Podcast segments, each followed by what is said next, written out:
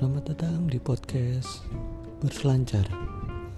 Podcast ini akan berisi tentang cerita kehidupan, percintaan, atau bahkan hal-hal yang tidak penting dalam kehidupan. Karena cerita itu harus dibagikan dan kalau dipendam namanya perasaan. Selamat menikmati.